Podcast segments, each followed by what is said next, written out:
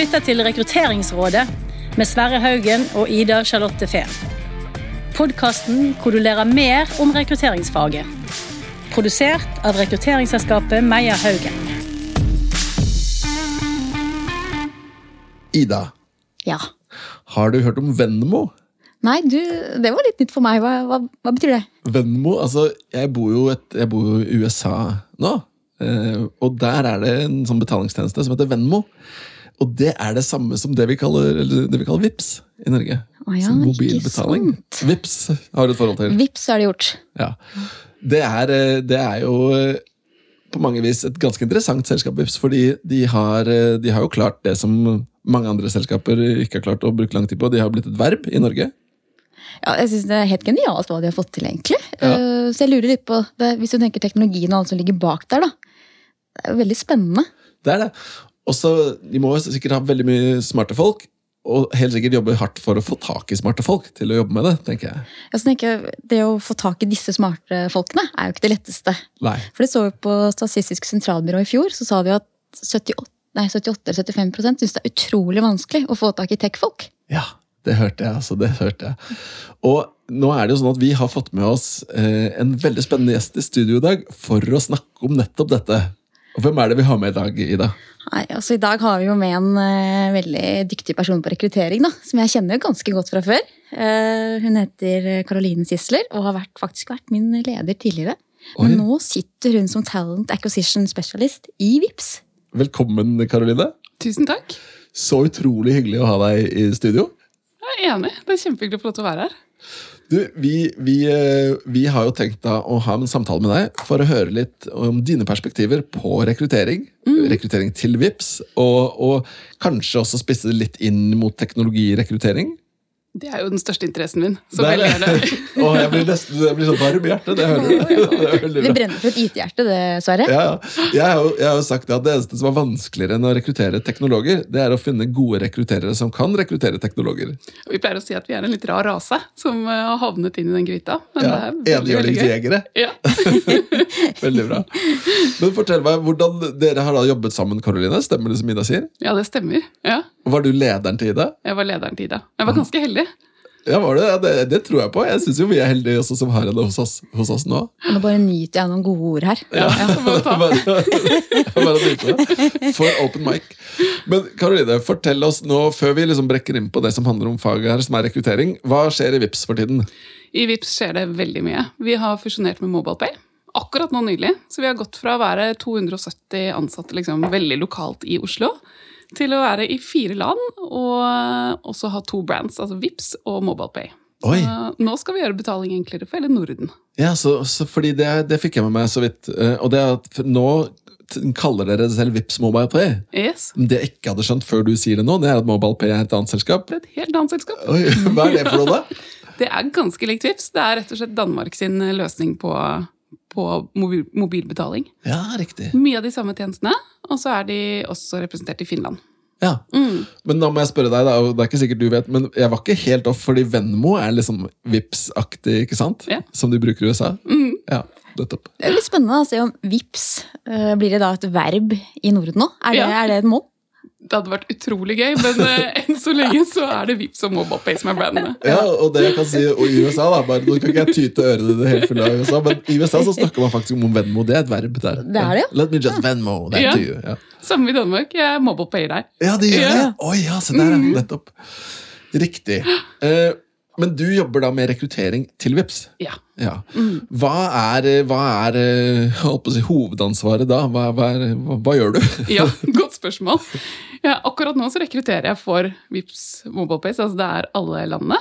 Og det er utrolig gøy. Eh, Men hovedansvaret er rett og slett å få gode kandidater inn til eh, de stillingene vi har. Og kanskje jobbe litt mer strategisk enn det har vært gjort tidligere. Ja, og da må jeg spørre da, Hvor mange er det som jobber med rekruttering i VIPS Mobile Pay? Det er meg. Det er bare deg! Det er bare meg. Oi, så spennende! Ja. Og hvor mange er det du eller dere rekrutterer årlig? Det har vært alt fra 80 til eh, 40. Så det har vært et ganske høyt volum til å egentlig være Vi er jo ikke så mange. Nei. Eh, Men det er jo fordi vi er så nye. Så det er liksom krevd kontinuerlig påfyll av, av de kompetansene vi trenger. Eh, og så blir det nok litt høyere nå, når fusjonen på en måte har satt seg, og vi har satt organisasjonen og vet hva vi trenger videre. Men, eh, men det gjør at veldig mye av jobben ligger ute hos lederne.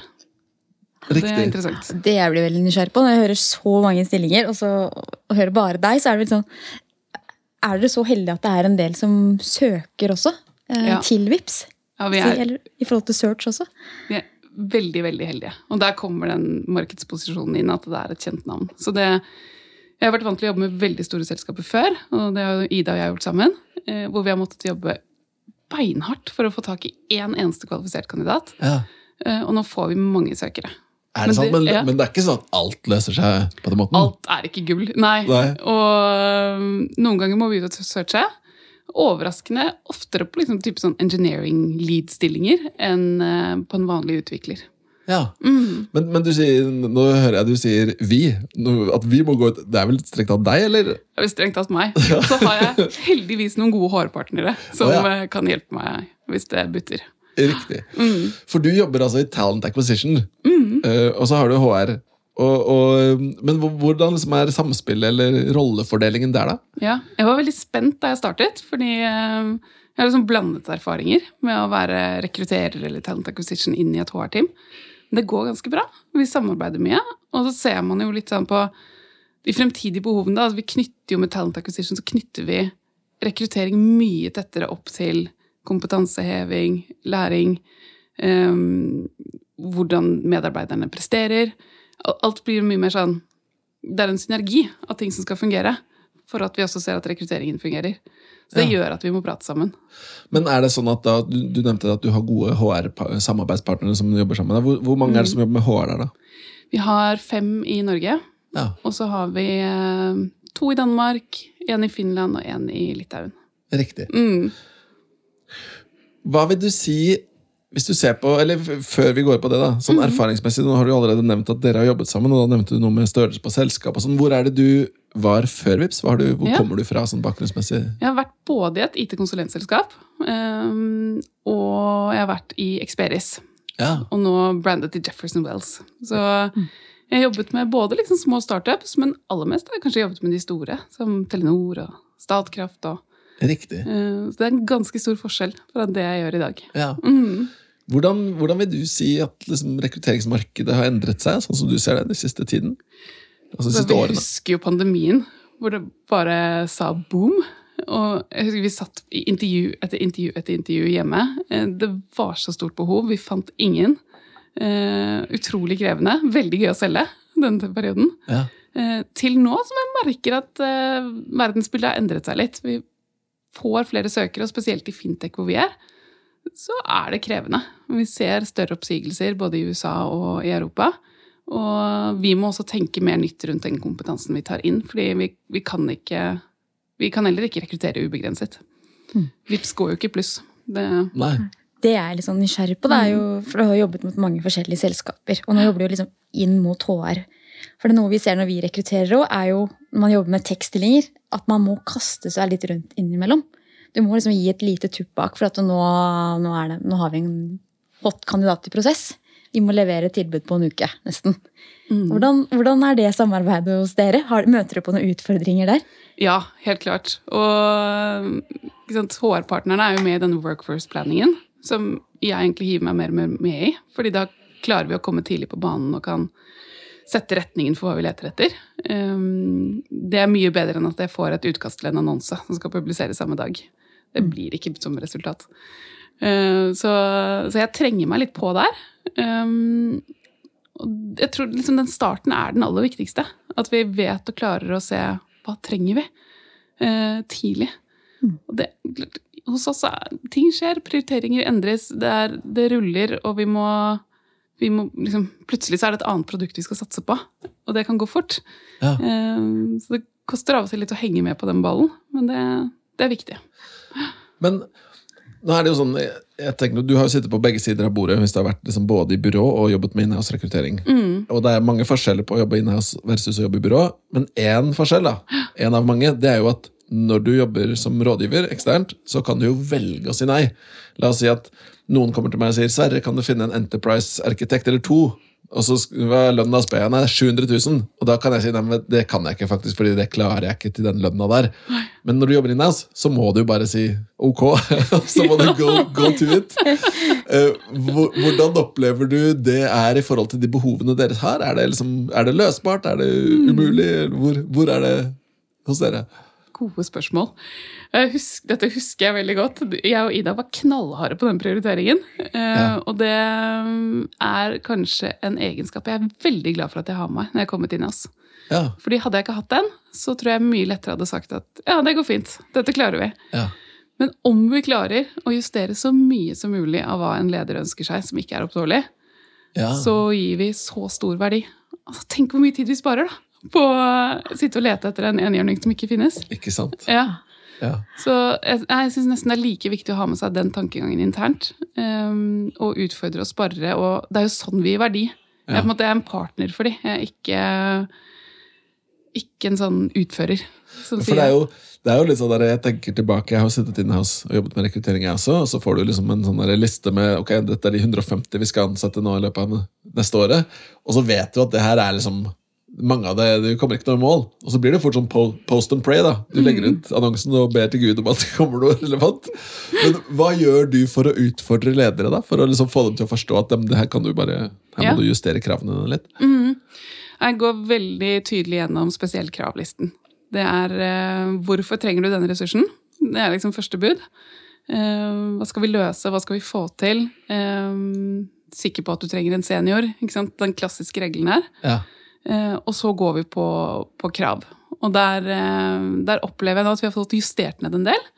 Og så ønsker jeg nesten at vi snur om på det etter hvert når vi har eh, systemene på plass. At vi kan si at vi ønsker at du skal være enten læringsvillig eller høy endringstakt.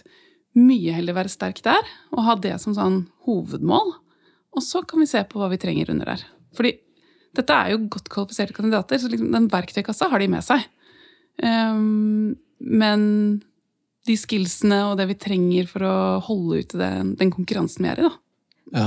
Veldig mye viktigere. Det er jo veldig interessant. Og da ble jeg jo litt nysgjerrig, for nå nevner du jo liksom litt sånn type verdier og egenskaper. Men hvor viktig og sentralt er disse ulike programmeringsspråkene, og hvilket type univers du kommer ifra, da? Ja. Kanskje kan man si at jo mer du har i verktøykassa di, jo bedre er det. Så kan du spille på mer. eh, Kan du mm, lettere også lære deg et annet språk. Så vi ser spesielt på IOS, da, på app-utviklerne våre.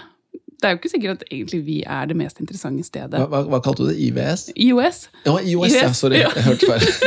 IOS vet jeg mobilutvikling. For the record, jeg vet hva IOS er. Det vil jeg ikke bli tolka som gammel. Så. Ja. Ja, eller ikke tech-savvy, liksom. Hallo. Ja, det er bra. Um, det er ikke så veldig mange app-utviklere du finner i Norge. Og det kan kanskje noen ganger til og med være mer spennende å komme til et sted hvor du kan bygge en app fra bunnen av. Det får du jo ikke hos oss. Eh, og da må vi titte mer på hvem kan vi liksom justere litt på, hvem kunne tenkt seg å lære dette her. Fordi selve utviklingsspråket er ganske enkelt, om du kan noe annet. Ja, sånn er det jo liksom ofte. Ja. Ikke sant? Men det du sier nå, bærer jo liksom litt grann preg av det der gode gamle sayingen som alle snakker om, men som ikke alle er like flinke til å etterleve. Uh, hire for attitude, train for skill. Er det det dere gjør, eller? Ja. Det det. ganske stor grad. Og jeg tror Da jeg kom til Vips, så var det ikke så veldig Jeg vet ikke om det var så etablert, men de gjorde det. Og det fungerer ganske godt.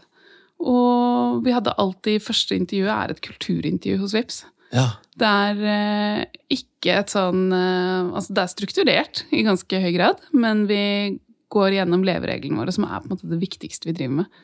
De må du Ok, da klare å håndtere. da ble jeg veldig nysgjerrig på de levereglene. Men, men, men først skal jeg spørre om prosessen. da, for du, du begynte jo litt på det nå, egentlig, og det er jo interessant å høre hvordan dere legger det opp. Du nevnte det at veldig mye, dere får en god del relevante søkere. Det vil si at dere har posta en stilling, det kommer søkere inn, og så gjør dere en screening først. Er det liksom old school, vanlig, se på CV, karakterer eller whatnot? Ja, ganske sånn Jeg har alltid kravene foran meg, de vi har satt. Eh, Går ganske sånn nøye gjennom. Og så er vi litt opptatt av hvem vi tar inn, at vi har et bevisst forhold til å få inn nok kvinner i den eh, kanalen. Altså at vi, at vi ikke skriner bort, at vi kanskje putter på litt ekstra der vi ser potensialet. Ja.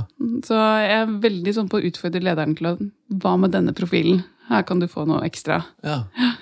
Um, Og så kjører dere da videre prosessen, så var det, sa du først et kulturintervju. mm, Så da, er den, da, da ser dere basert på screeningen, så kaller du inn et utvalg ja. til et kulturintervju. Mm. Og der får de tilsendt verdiene våre, levereglene våre, da, som vi kaller de, i forkant. Uh, og nå har vi helt nye leveregler, som er bestemt av de ansatte.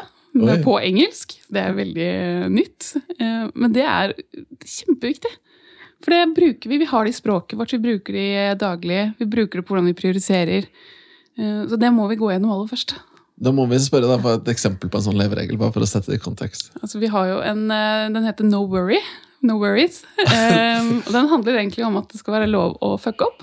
Å ja, så fint! Herlig, herlig Ja, leveregel. men det, det, det er, da tenker jeg med en gang ja, det er jo liksom kreativt miljø, og du skal på en måte ha den produktutviklingen. Vi skal være liksom, ja, visjonær og tørre, og man skal ta ganske store steg og tørre å si ting som kanskje ikke Det kommer ikke til å gå, men du må, du må begynne der.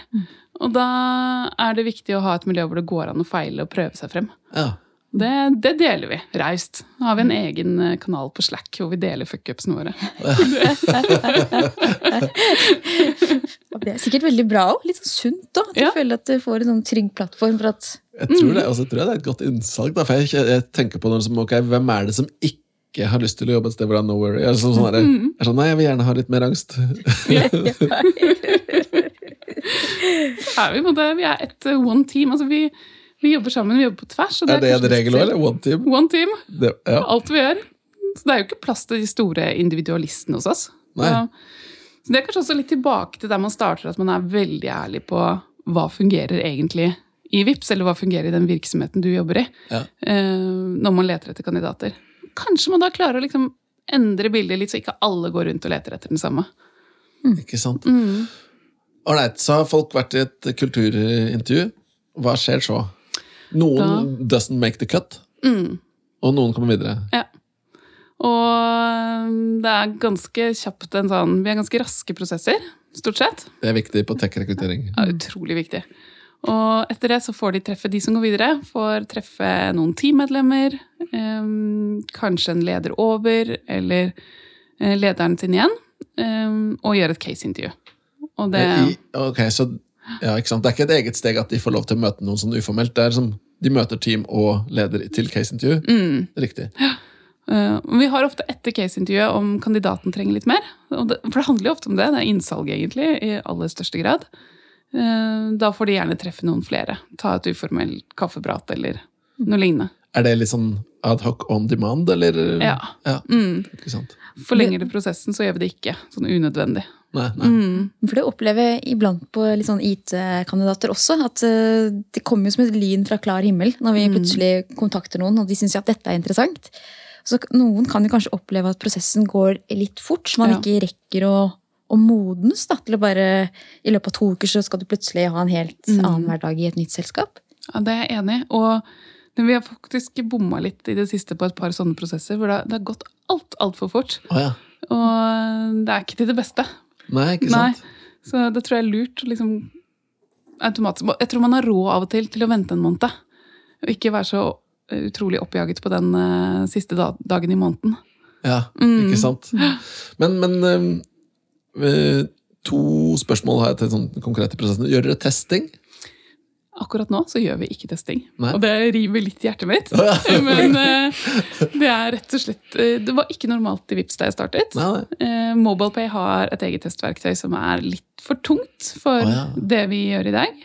Så nå er jeg ute og snuser litt på markedet. Ja, riktig. og har funnet noen sånne klare favoritter. Ja. Ja, For det, for det er interessant det der, Nå skal jeg ikke spørre om favorittene dine, men, men det som er interessant, ref det vi snakket om med timing i prosess Mm. Det vi fokuserer veldig på på teknologikandidater, det er å prøve å få til den der psykologiske kontrakten underveis i prosess. Sånn at når kandidaten kommer dit at tilbudet kommer, så er egentlig alle avklaringer tatt. Og du vet om du har lyst på jobben eller ikke. Det er ikke noen uklarheter, for du vil jo helst ikke at de skal gå og begynne å forhandle med nåværende arbeidsgiver eller nye tilbud eller whatnot. Men der er det mange ganger jeg har sett at testverktøyet har hjulpet meg. Fordi når jeg har testet kandidaten, så ser jeg jo det er noen kandidater som trenger mer tid på å ta beslutninger. Du ser det på personlighetsprofilen. Og da er det veldig kjekt å vite det, for da, da vet jeg at ja, men her skal ikke jeg pushe en kjapp avgjørelse, for det funker ikke på den kandidaten. da. Mens andre ganger så er det ikke noe problem. Så det å liksom se det i kontekst er litt interessant. Ja, det er veldig interessant. Fordi man, Vi er nødt til å tilpasse prosessen litt etter kandidaten. Ja. Eh, vi er nødt til å møte de og, og hjelpe de. Det er så viktig beslutning for kandidaten. Kjempeviktig. Ja. Men neste spørsmål. Det var jeg sa jeg hadde to. Det her er nummer to. Når sjekker dere lønn? Der har vi gjort en endring. Oh, ja. La meg gjette. Det er hypotesen min. Dere, dere nå sjekker da tidligere. Ja. Yes. Hva, hva, hvordan, hvordan gjorde dere, og hva gjør dere nå? Tidligere så, så gikk det til helt siste steget. Nettopp, ja. Rett før man sier at ja. hei, vi skal gi deg tilbud. ja. Eh, Og så da det- får du deg ofte på trynet. Skikkelig på trynet. Det blir en blåmandag med en gang. Ja, er det mann, da. Skikk, ikke noe bra for kandidaten, ikke noe bra for oss. Um, så nå trener vi lederne litt mer. Um, det har nok litt med at Vips er jo et ting har gått veldig veldig fort. Ja. Så nå trener vi lederne til å bli mye mer selvstendig i det de gjør, og da kan vi da er de også mer komfortable med å ta den lønnspraten tidlig. Ja. Mm. Det er ganske viktig avklaring, og vi Ja. har jo brent oss på det mange ganger. Vi, og vi, vi gjør det alltid de første samtaler med kandidatene. Mm. Så prøver vi liksom å forventningsstyre de litt på det, men når vi sjekker av skal de gå inn i prosess, så sjekker vi også av lønnsforventninger, sånn at vi vet at arbeidsgiver kan møte det. da. Ja. For det er så bortkasta tid for alle parter, som du sier. Mm. Trolig, trolig kjipt. Ja, det, er Det er jo egentlig til kandidatens beste, egentlig, Ja. at vi avklarer det. Ja, For det er, jo, det er jo en ordentlig prosess når de først går i gang, Mm. med tid og forberedelser osv. krever mye av det. Mm. Ja. Selv om de hos oss eh, kanskje i mange tilfeller har søkt, så krever vi fortsatt mye av de. Ikke sant? Mm. Hvordan, eh, altså Hvilke typer rekrutteringer Nå snakket du litt om markedet og forskjellen på kandidattilfanget nå versus før. Mm. Hvilke typer stillinger syns du er mest krevende, eller erfaringsmessig? Eh, Apputvikling er utrolig krevende. Ja. Um, og også litt altså data engineers, Ja, data analytics. Mm. Eh, fordi det har blitt et så stort fagområde, og vi tilbruker alltid alle aspektene ved det. Ja. Så det er noe med å være veldig tydelig på at eh, du skal kanskje ikke inn til oss med masse AI-kompetanse, f.eks. Nei, du skal ikke en data scientist, du skal Nei. en data engineer. Ikke sant? Du skal ikke ha den som drømmer om eh, maskinlæring og Nei. kunstig intelligens. Mm. Eh, men det som er gøy nå, det er at vi plutselig kan rekruttere engelsktalende. Oh, ja. Det fordi vi har byttet arbeidsspråk. Det er, en, det er faktisk et konkurransefortrinn. Ja, Definitivt. Det, det er en sånn Jeg tror de fleste virksomheter kan på en måte ikke Det kommer på et eller annet tidspunkt.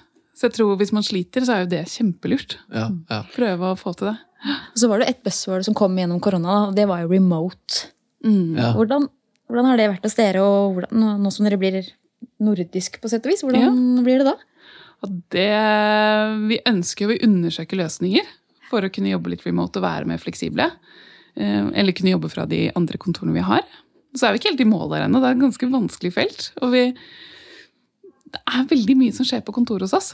Eh, Så vi, vi har ikke noe sånn uttalt policy om antall dager, og det er liksom opp til timene.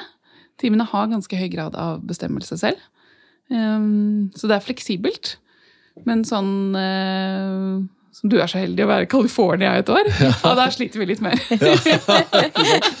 Men apropos det, da. Jeg var jo på en sånn HR-tech-konferanse i, i Las Vegas nå forrige uke. Og det som overrasket meg da, når jeg snakket med folk som er kall det i det amerikanske arbeidslivet, da, så er det markant mange som nesten bare jobber hjemme. Som, mm. Hvor etter covid så er det liksom det, nå, nå kanskje jeg overdriver litt, men det virker nesten som om ingen er på kontoret hjemme lenger. da. Nei. Det er sånn, ja, nei, Jeg stikker innom kanskje en gang i uka for å se hvordan det går, typ, men veldig mye fleksibilitet da, internasjonalt. Mm. Og det er vi veldig mm, Ja, vi må finne noe forskning på det, men jeg tror sånn Ja, det er bra. Ja, det- Jeg tror at eh, Jeg bare kom på noe, fordi Ja. Når du sier det, finner forskning på det, ref den konferansen, så var det en som snakket om det, og han viste noe data på hvordan f.eks. 67% av ledere mener at folk som er på hjemmekontor, presterer lavere enn de som er på kontoret. ja, At det er en del sånne Antakelser. ja, ja, antakelser og kall det mm, terskler eller barrierer da, for å gå all in på den fleksibiliteten. da. Sånn. Det, det jeg tror har vært spennende å forske på med akkurat det der, er jo hvordan type jobb du har også.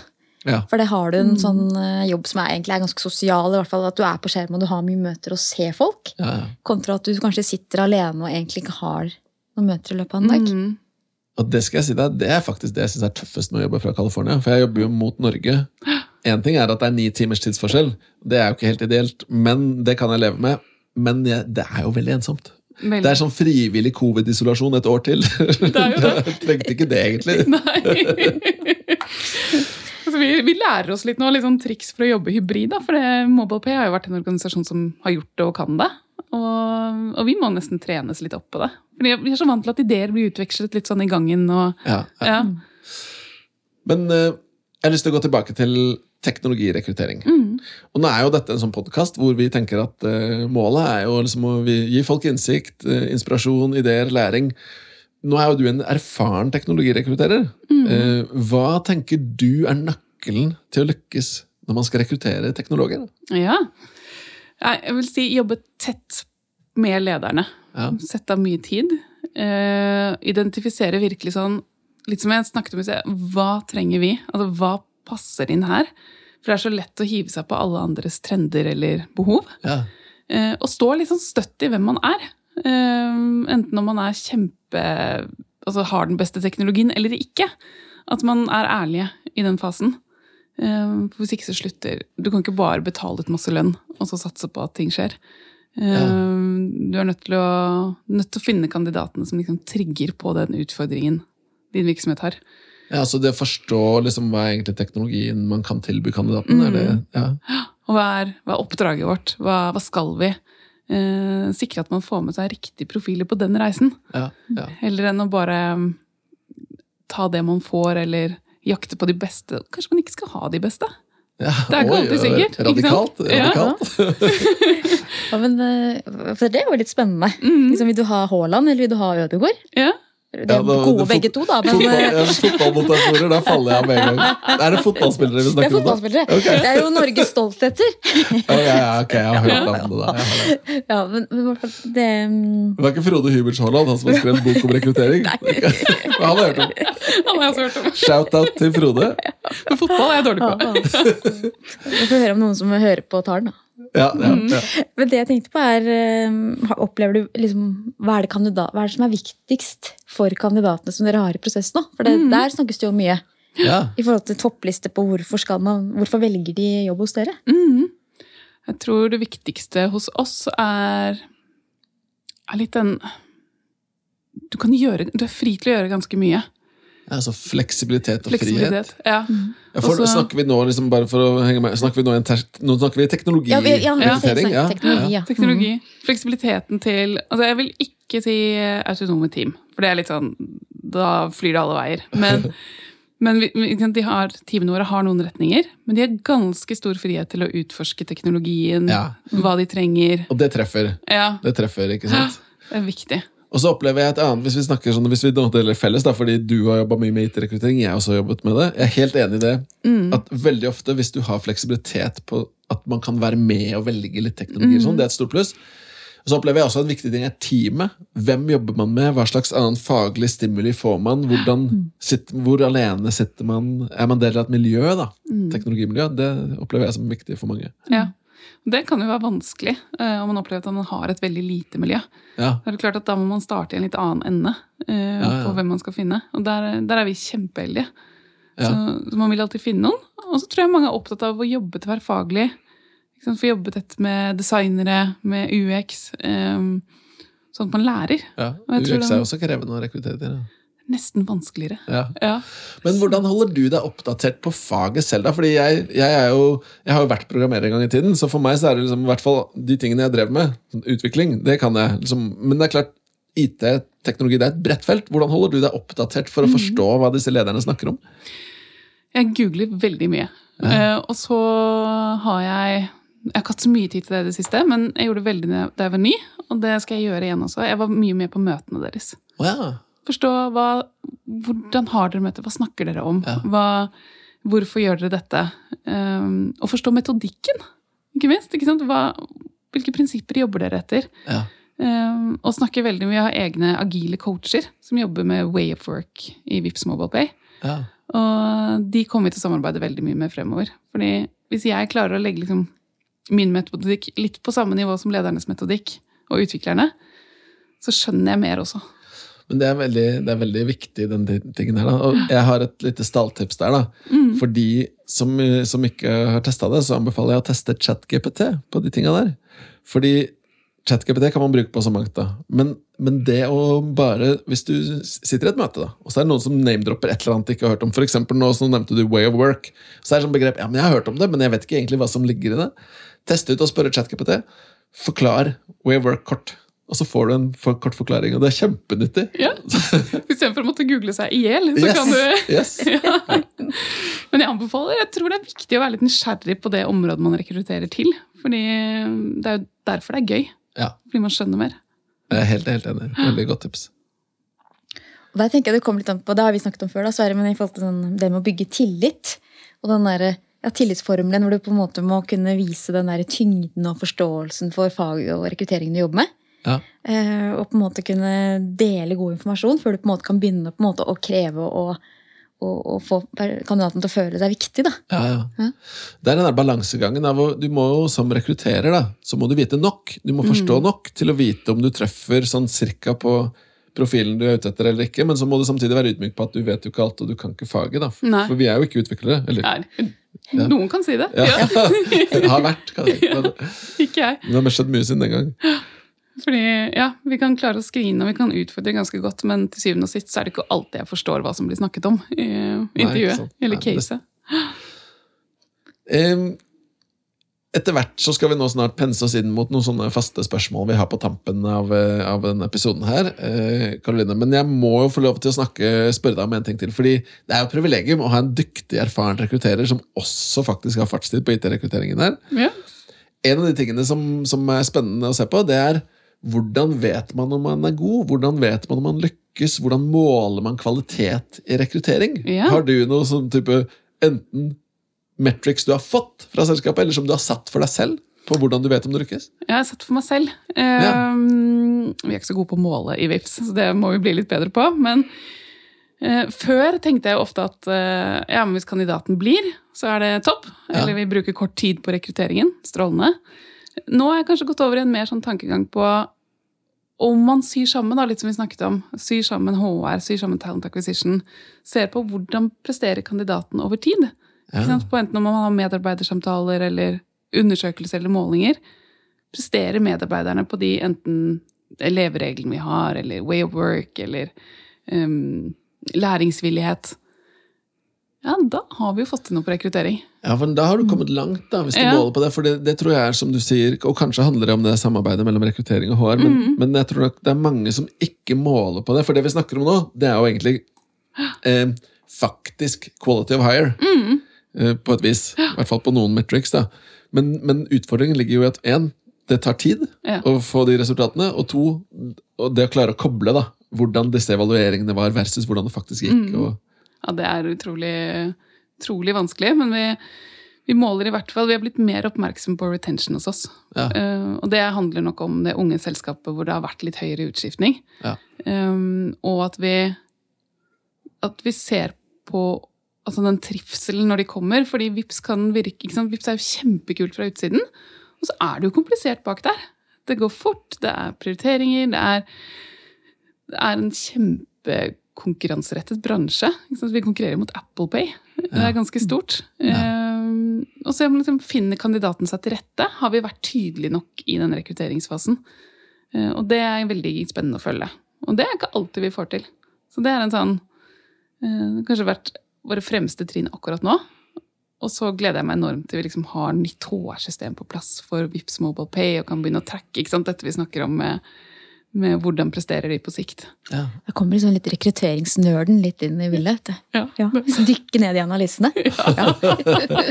Har dere valgt system, eller? Ja, vi kan ikke si noe om det ennå, det er konfidensielt. Men dere vi, har valgt? Vi Eller er kanskje? undersøker. Ja, dere Et ganske stort prosjekt. Det er eh, spennende, spesielt fordi det skjer så enormt mye nå. Ja. Mm. Det er, eh, det er eh, spennende og krevende å bytte systemer. Og så handler det, i hvert fall sånn som jeg tenker, så handler det også veldig mye om når du da har et nytt system, hvor, hvor, hvor grundig og hvor mye du faktisk går inn i å bruke det og utnytte det. Ja. Og Der vet jeg for vår del at vi har jo et system som vi helt sikkert kan utnytte enda bedre, da, hvis vi faktisk eh, begynner å utnytte de mulighetene som fins. Det tror jeg også. Jeg blir litt tvunget til det så nå når jeg er litt mer alene. Så er jeg nødt til å automatisere mer i systemet og bruke de funksjonalitetene som finnes. Ja. Og det er egentlig veldig gøy når man begynner å dykke litt ned i det. Og se hvor mye som kan hvor mye tid du kan spare. da. Ikke sant? Og samtidig gjøre kandidatopplevelsen kanskje hakket bedre. Ja. Mm. Måler du det? Vi måler ikke ennå. Jeg har veldig lyst til det. Ja, ja. Ja, det, det er skummelt. Ja. Ja. det er litt skummelt, men, det, men jeg tror, det er nok en av de tingene som jeg tror veldig mange rekrutterere er opptatt av. Eh, og alle ser verdien av å måle, men som ikke så mange har begynt å måle. eller gjør Nei. faktisk det. Det tror jeg aldri jeg har opplevd før. At noen har målt det. Nei. Jeg litt sånn For kandidatopplevelsen som sier at den skal bli bedre. Da. Og Det kan jo være at kanskje det ikke treffer akkurat nå, men at, da, at det passer en annen gang. Og da har på en måte sitter kandidaten med den gode opplevelsen av at her var det en bra prosess. Mm. Eh, Så ditt, der er jeg interessert i å ta kontakt igjen ved et senere tidspunkt. Det tror jeg er ganske viktig innenfor IT-rekruttering. Ja. Ja, og der igjen så er du tilbake til systemstøtte. da, mener jeg. Fordi det, Hvis du har gode systemer på det, så gjør du den jobben lettere. Mm. Ref det, Nå snakket jo vi om det på forrige episode, Ida, men, men en av de store tingene som skjer innenfor HR Tech nå, det er jo det som altså, det var mange som snakket om dette med rediscovery. Hvordan finner du igjen de gamle kandidatene Ja. i basene dine som du ikke har snakket med på en stund, som faktisk er relevante for de stillingene du har åpnet nå? Mm. At du kan liksom dra nytte av gode relasjoner som er bygget opp over tid. da. Ja. For der er det mye å hente. Ja. Og der kommer jo opp det temaet jeg syns er veldig spennende om dagen. Og det med bærekraftig rekruttering. Ja, Hvordan du på en måte skal få brukt de relasjonene og nettverket du har, på Ja. en god måte. ja. Ja. Jeg må spørre deg, Hva tenker du er, eh, kan være bærekraftig rekruttering, Karoline? Oi, det, det, nå stiller du meg et eh, veldig vanskelig spørsmål. Ja. Ja. Men det har vi fundert mye på, da. Ja. ja. Ja. ja det. Nå må jeg faktisk tenke litt. Ehm, det er jo helt klart dette her for oss Det er jo ikke starte på nytt hver gang. ja. Hva kan vi Hva har vi? Hva har vi gjort? Um, å forenkle, altså, forenkle. Det er, og det er jo i Vipps ånd også. Vi må forenkle så mye som mulig av prosessen, sånn at vi ikke kaster bort timevis på, på tull, da. Mm. Som ikke er nødvendig, eller Og der tror jeg mange kan plukke bort deler av ting av prosessen sin også, som Ja. ikke er, er Men, men, og du er jo inne på, når hvis du tenker på liksom de klassiske bærekraftsbegrepene, apropos det, så når du snakker om liksom hvordan man kan slippe å tenke måtte gjøre alt på nytt, da er du over på gjenbruk, og gjenbruk er jo et kjent begrep i bærekraft. Sirkulær økonomi. Og, og, Ja. Gjenbruk av kandidater, gjenbruk av prosesser. Gjenbruk er bra. Gjenbruk er bra. Ja. Skape ting som er skalerbart. Ja. Ja. Du, uh, Ida, la oss nå gå på Vi har jo et par sånne faste, faste punkter. Hva, la oss gå på de nå. Ja, skal vi se. Eh, Det første vi pleier å spørre om er jo i forhold til rekrutteringopplevelse. Hvis du skulle nevnt en eh, prosess du har kjørt selv, eller du har vært i, som du kjenner at uff, dette var ikke bra. Kjente du godt på kroppen etterpå. Har du sånn, et sånt eksempel? Ja, jeg har et. Og det er et litt sånn um, på hvordan man skal behandle kandidater. Jeg var faktisk i prosess selv. Med, det var faktisk et annet fintech-selskap, og det er mange år siden. Eh, En rekrutteringsansvarlig stilling. Eh, Og så var det gjennom et eh, bemanningsbyrå. Um, Så de ville veldig gjerne ha referansesjekk umiddelbart. Før jeg hadde møtt eh, kunden deres. Ja. Og det syns jeg var veldig spesielt som en litt sånn seniorressurs. At jeg skulle begynne opp i referanser så tidlig. Ja. Og jeg måtte nesten krangle litt for å slippe å gjøre det. ja. Eh, Og det var liksom både ubehagelig og så tenkte på, Dette må vi aldri gjøre. Nei. Men vet du hva? Det der er faktisk veldig interessant, fordi vi har jo eh, I fem år så har vi testet vi, vi sier at vi driver med sånn sandkassemetodologi i rekruttering. Vi tester ting. Prosesser, teknologibruk. Og så Det som funker, tar vi videre. Det som ikke funker, kaster vi. Vi har testa nettopp dette, som er da tidlig referansesjekker. Og jeg tenkte da vi tenkte nå skal vi teste det, jeg tenkte det er en god idé. Kan vi gjøre det digitalt, og så kan vi gjøre det tidlig, så får du ekstra verdi i intervjuet osv. Det funka ikke i det hele tatt. det var, men, og det var ikke deg, bare så det er sagt. men, men erfaringen var at det ble veldig fort skrinlagt. Da. Vi gjorde det på interne prosesser til oss. For vi gjør jo Sandkassen skal jo være et trygt miljø hvor det ikke går utover kunder. ikke sant? Men, men det ble aldri satt i produksjon. Nei. Det blir for smidig, det. Det ble Ja, for smidig. ja, Ja, ja, ja. Smidig på én part. Ja, men bra. Det, synes jeg var, det var et bra eksempel, syns jeg. Ja. Men eh, vi, vi jobber jo også litt med å få inn gode eh, forslag på temaer til denne podcasten her. Har du, noe, har du noen tanker om hva vi burde tatt opp? Ja, jeg sitter og undersøker dette her nå om dagen, for det kan godt være at det, men hvordan vi kan bedre den screening-delen i prosessene. Fordi, rett og slett vi heldige, vi får mye søkere.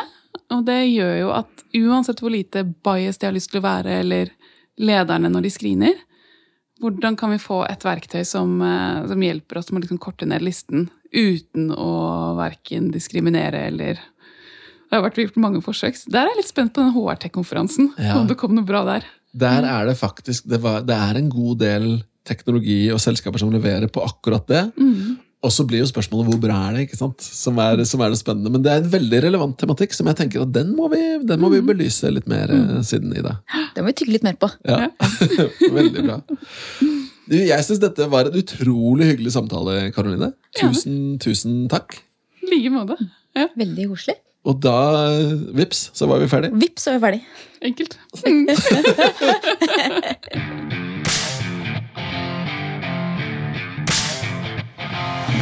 Du har lyttet til Rekrutteringsrådet av Meyer Haugen. Vi produserer også Topplederpodkasten og Stillingspodkaster. Har du forslag til gjester eller tema vi bør snakke om, gå inn på vår Facebook-side Meyer Haugen.